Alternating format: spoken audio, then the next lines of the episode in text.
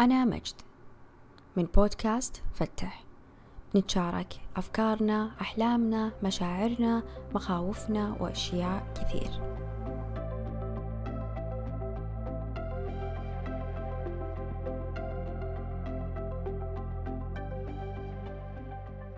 تحس بالتأنيب لما تكذب كذبة بيضة؟ أو لما تكسب كلامك على شخص عزيز؟ لما تكنسل طلعة منتظرة كنت مخطط لها من وقت طويل؟ لما تنسى تصلي وتفوت عليك؟ مشاعر التأنيب اللي نحس فيها لما نكذب على أهلنا أو نعطي صديقة معلومة غير صحيحة أو لما نرفع أصواتنا على أهلنا أو حتى لما ندخل البيت بعد يوم طويل في الدوام ونشوف أطفالنا ناموا تعبانين بدون ما يتعشون. كلها تعتبر أكثر الأسباب شيوعا لمشاعر التأنيب طبقا للدراسة نشرتها بوبميد يغمرك الإحساس ويضيق عليك وتحس إنك مخنوق تحس إنك مقصر ومو عارف كيف تصلح الموضوع أو حتى تتخلص من هذا الإحساس. قد فكرت ليش يأنبك ضميرك وتحس بالذنب؟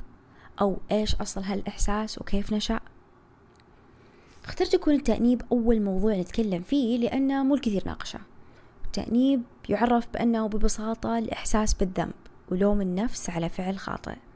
لكن في علم النفس وصفت الدكتورة كارين هورني بأن تأنيب للذات بسبب أخطاء سلوكية أو بسبب الخوف من أنه شخص ما قد يكتشف الخطأ. وبالتالي الخوف من النقد نتيجة البحث عن المثالية والكمال والتفوق. بشكل مجمل في احتمالية عالية أن هالمشاعر أساسا وهمية ومبالغ فيها وتكون ما ترتبط بخطأ واضح ولا حتى واقعي. ممكن حتى توصل إنك تعتذر من شخص. أعتقدت إنك أذيته. أو جرحت مشاعره بس تكتشف إن هالشخص المقابل ما فكر بالموضوع ولا أخذ حتى بعين الاعتبار وما كان الموضوع مهم لهالدرجة. ممكن لأنك شخص حساس ويفكر بكلام الآخرين كثير تعتقد أنه الأشخاص المقابلين زيك. أو ممكن حتى العكس أنك إنسان واقعي وما تتحسس بسهولة بالتالي ممكن سلوكك يأذي الأشخاص.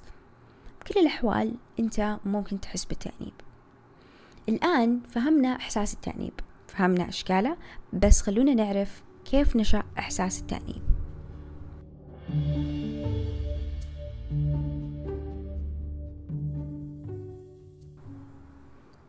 في مرحلة الطفولة المبكرة لما الآباء والأمهات يمارسون أسلوب الرعاية المفرطة ويحملون الأطفال مسؤولية الأخطاء ويحثونهم على مراعاة مشاعر الآخرين بشكل أكثر من اللازم. يصلون الأطفال مرحلة أنهم يراجعون كل أقوالهم وأفعالهم وبالتالي ردود أفعال الآخرين ويبدأون مسيرة التشكيك في أنفسهم ومن هنا يبدأ التأنيب على الجانب الآخر لازم ما ننكر الجانب المحمود من التأنيب. اتفق سيغموند فرويد وكارل يونغ مؤسسي علم النفس أن إحساس التأنيب دلالة جيدة على نضج الإنسان. يدل على نمو المسؤولية تجاه الأفعال والمشاعر والصراعات لاتخاذ القرارات الصعبة. وما راح نتطور وننمو إلا لما نكون قادرين على إدراك أخطائنا ونحاول نصححها. لكن إيش ممكن يصير لو إحساس التأنيب تضخم وخرج عن السيطرة؟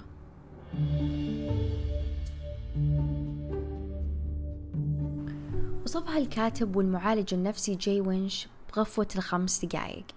مقلقة وتمنعك تمارس حياتك بشكل سليم وطبيعي. وتبدأ توجه نفسك لعقاب الذات وحرمانها من حقوقها الطبيعية بس علشان تخدر إحساس التأنيب. وللأسف أثبتت الدراسات أنها ممكن تؤدي للتأنيب المرضي الوسواس القهري أو حتى الاكتئاب لأنك بتكون بموضع شك دائم في نفسك أقوالك وتصرفاتك. لا تعطي فرصة هذا الإحساس يتملك أو يتمكن منك. وحاول أول ما تحس فيه تفهم إيش السبب. وكيف تقدر تعالجه وتصحح الموقف والأهم تتعلم الدرس ولا عاد تكرره. أحسن مما تعلق في دوامة متكررة من نفس الإحساس بشكل مستمر وممكن تجرك المشاعر أسوأ لأن ممكن حتى توصل لدرجة من التشكيك بالنفس أنك أذيت الآخرين بكلامك أو تصرفاتك. وممكن أنهم يستخدمون مشاعرك ضدك بحيث أنهم يستغلونك يطلبون منك مشاعر أو حتى هدايا عشان يرضون عليك. وعشان هالسبب من المهم أن يكون عندك بوصلة ضمير شخصية. تعلمك أنك لما تخطي تعتذر ولما تغلط تصحح غلطتك. كذا يكون انتهى دورك ولن يتم استغلالك.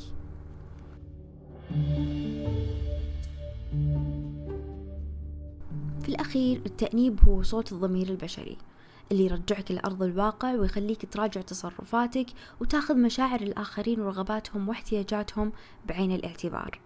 إذا أخطيت خليك الإنسان الأكثر خلقا واعتذر. وإذا اقترفت خطأ صلح خطأك وتحمل تبعاته. وإذا جرحت مشاعر شخص صلح موقفك بالكلمة الطيبة. تأنيب يذكرك أنك مجرد إنسان. تضعف تخطي تعصب تتضايق وممكن يفلت لسانك. لكن الموقف الصحيح اللي بتتخذه بعد التأنيب هو المحسوب وهو الأساسي.